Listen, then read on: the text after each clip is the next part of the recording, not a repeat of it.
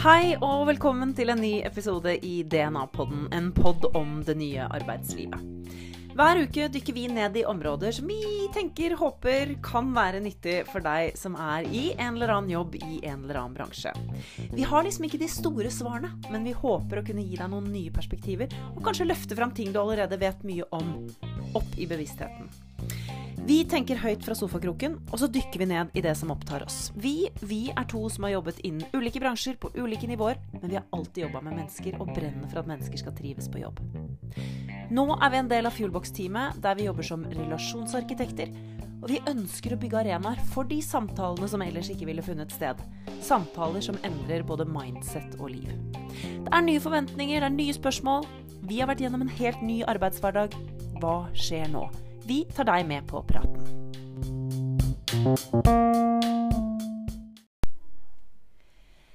Jeg sitter på arbeidsplassen og jobber med utrolig kjedelige, rutinemessige ting. Plutselig så ringer Kristoffer, en leder på arbeidsplassen hvor jeg jobber som HR-direktør.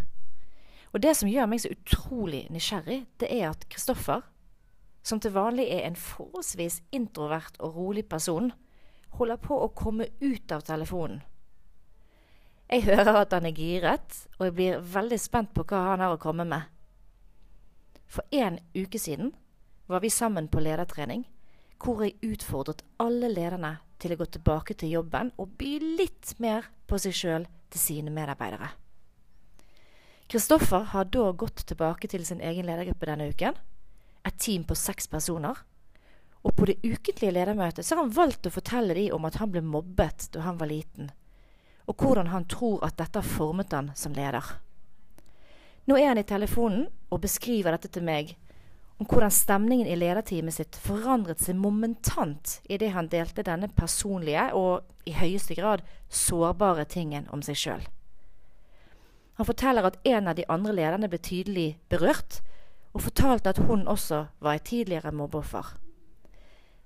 Deretter så fortalte enda en kollega og en leder om datteren sin, som ikke helt finner plassen sin blant de andre klassekameratene, og fortalte hvordan dette tar mye av energien og fokuset hans for tiden.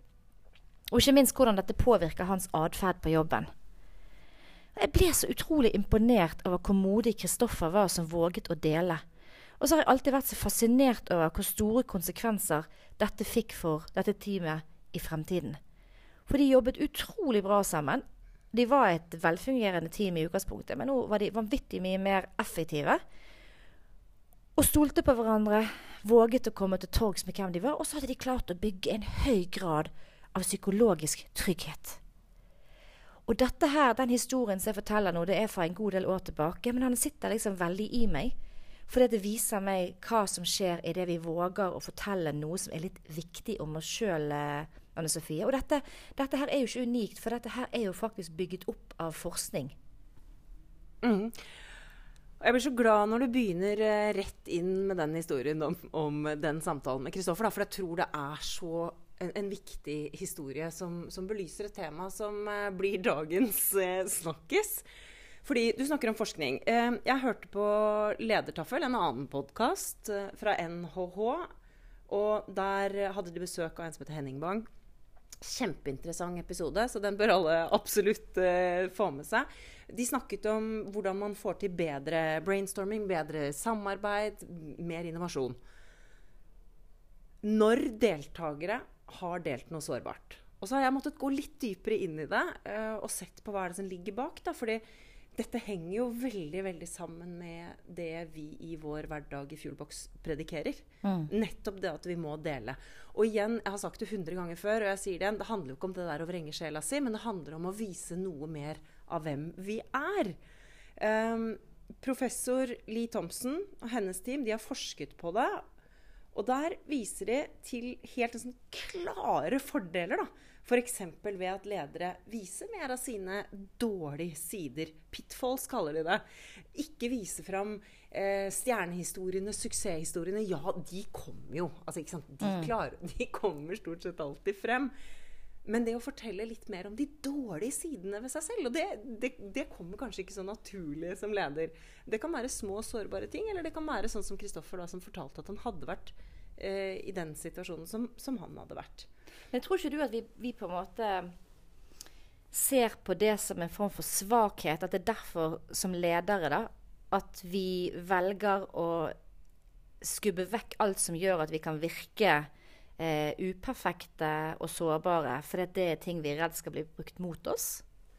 Ja, det tror jeg i aller høyeste grad. Og det er enten man er leder eller medarbeider, så tror jeg vi alltid er redd for hvis vi viser svakhet, redd for de sanksjonene som eventuelt måtte komme. Eh, hvordan vi kanskje mister anseelsen i andres øyne osv. Og så viser jo da forskningen det motsatte. da. Det viser jo at når vi er sårbare og tør å vise noe av oss sjøl, så blir vi oppfattet på en annen måte. Eh, mens jeg har lest mye om dette her nå de siste dagene, for jeg syns dette er veldig veldig interessant, så kommer jeg inn på artikler hvor det står at dette er eh, det enkleste formen for godt lederskap er å bruke pitfalls, som er den amerikanske varianten side, de dårlige sidene ved oss selv. Eh, det er eh, hva skal jeg si, den minst kjente, kanskje, den vi har snakket minst om av lederegenskaper, det å tørre å faktisk by på de litt sånn dårligere sidene ved oss selv. Men jeg har lyst til å sitere Brené Brown.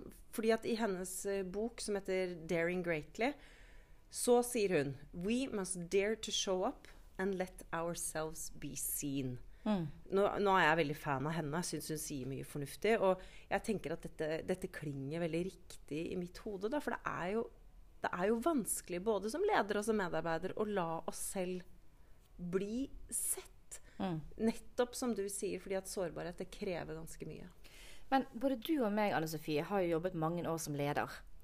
Og da lurer jeg på, har du i ditt lederskap noen gang opplevd at når noen deler noe som er sårbart, at det ikke blir forvaltet riktig? At det blir brukt mot den som deler? Har du noen gang opplevd det? Nei, jeg har ikke det. Men jeg har også respekt for de som eventuelt har opplevd det. Mm. Uh, men da tenker jeg nesten sånn Hvis du er i et team der det er et problem, så har du muligheten, så, så prøv å finne deg et annet team, tenker jeg nesten. Ja, ja. Men jeg kom på, mens du snakket, så kom jeg på uh, en historie fra, fra, min egen tid på veien inn til å bli leder. Mm. Uh, for jeg lå an til å bli leder for en avdeling, men så sa min daværende sjef Men Ann Sofie, jeg opplever at du liksom blir litt for mye venner med andre i selskapet. Mm. Og det er jeg litt redd for når du nå liksom skal bli leder. Og der tror jeg mye av det ligger. Da. For før så var det kanskje mye mindre vanlig å være um, delaktig om sine egne greier og sine ja. egne personlige ting. At vi ikke kom så tett på medarbeiderne, som kanskje er mer i tiden nå da, enn det var den gangen jeg eh, ble leder. Nå fikk jeg den jobben, men det var med stor skepsis. Mm. Uh, fordi at jeg nettopp kanskje var for åpen for, for, det som var lederprofilen den gangen. Du er inne på noe veldig interessant, fordi jeg erfarer jo, uh, har erfart i min lederkarriere, at det er, det er, ingen problem å være personlig og på en måte komme tett på folkene dine. Og så handler det litt om roller, fordi som leder så skal vi jo også Og det kan hende det er det som som på en måte har vært bakgrunnen for, for, at din sjef sa det som han sa, da, eller hun mm. sa. Fordi det som jeg tror man skal være obs på, det er at som leder så skal du jo også muligens komme med tilbakemeldinger til de du leder, som ikke alltid er like hyggelig å gi. Veldig godt poeng. Ja, Som handler om at eh, nei, du kom dessverre ikke noe særlig opp i lønn eh, denne runden. Eller eh, jeg må gi deg en tilbakemelding som, eh, som ikke er så veldig hyggelig. Dette her må du jobbe med eller endre på, eller sånt. Eh, eller den stillingen som du hadde lyst på nå, den fikk du dessverre ikke. Og da tenker jeg at da er det så viktig at man ikke er så tett så jeg, forstår litt hvor det kommer fra. At ikke man er så tett at det blir vanskelig å gi en sånn tilbakemelding. Men det handler jo om at jeg tror ikke det er enten eller, jeg tror det er både òg. Ja, og at det i hvert fall er et spillerom nå på og at man vet nå at det å i hvert fall bjuda på. Eh, altså at vi, vi, må som ledere slippe opp litt mer på, på hvem vi er. Mm. Og, og, hvordan vi er blitt sånn som vi er blitt, og hvor, hvorfor vi reagerer sånn som vi gjør. Mm. Eh, jeg syns det er litt eh, spennende å se på den reaksjonen som Lars-Erik Lund i Veidekka har fått i, eh, i eh, sosiale medier, eh, medier generelt, det siste halve året, etter at han gikk ut og fortalte om sin depresjon. Mm. For det er en sånn typisk ting som man kanskje ikke helst forteller når man er leder høyt oppe i et system. Nettopp fordi at man da viser svakhet, sårbarhet. Men responsen har jo vært sånn jeg opplevde i hvert fall, udelt positivt. Og jeg hadde en prat med han på Instagram eh, før jul, og det var jo nettopp det han sa. Han fikk jo overveldende mye positivitet også internt. Mm. Og det du sier der, og den historien, da, bekrefter egentlig min erfaring. At jeg har aldri opplevd, eh, dersom noen velger i kraft av å være leder, og by på seg sjøl eh, være litt sårbare, og, og, gjerne komme med noe fra historien eller livet sitt som kan forklare litt om hvordan man tenker, og hvorfor man er som man er, og leder som man er, så har jeg personlig aldri opplevd noe annet enn at de som er rundt, virkelig tar vedkommende imot. Eh, anerkjenner og, og, viser at 'tusen takk, dette var utrolig fint', og at det har gjort noe med dynamikken i positiv forstand, som man kan bruke seinere. fordi da har man jo utvidet den psykologiske tryggheten. Sånn at har man delt noe med hverandre som betyr noe, har man ledd sammen, har man grått sammen, har man eh, opplevd et eller annet sammen, så er det lettere å, å, spørre om råd, det er lettere å gi tilbakemelding, det er lettere å ta tilbakemeldinger på en OK måte.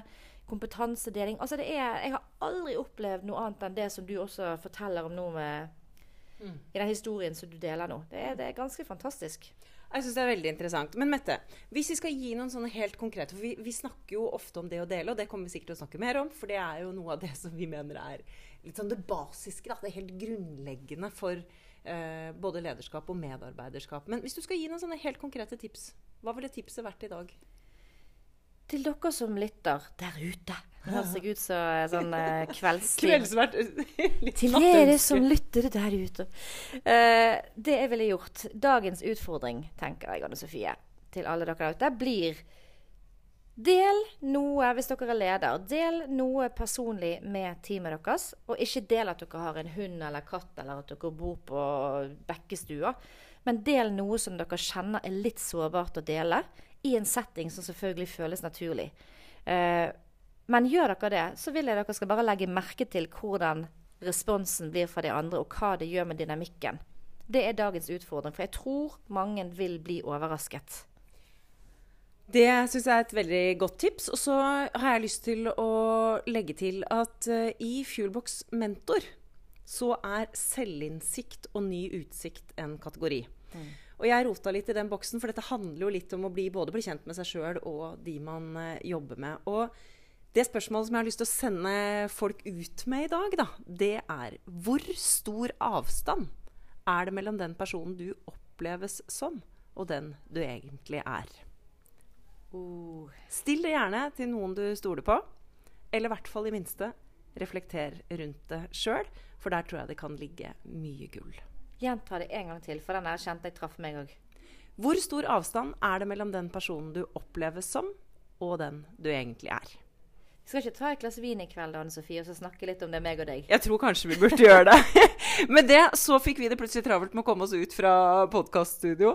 Eh, alle sammen, takk for at dere lyttet uh, i dag, og så høres vi om uh, en ukes tid. Ha det bra.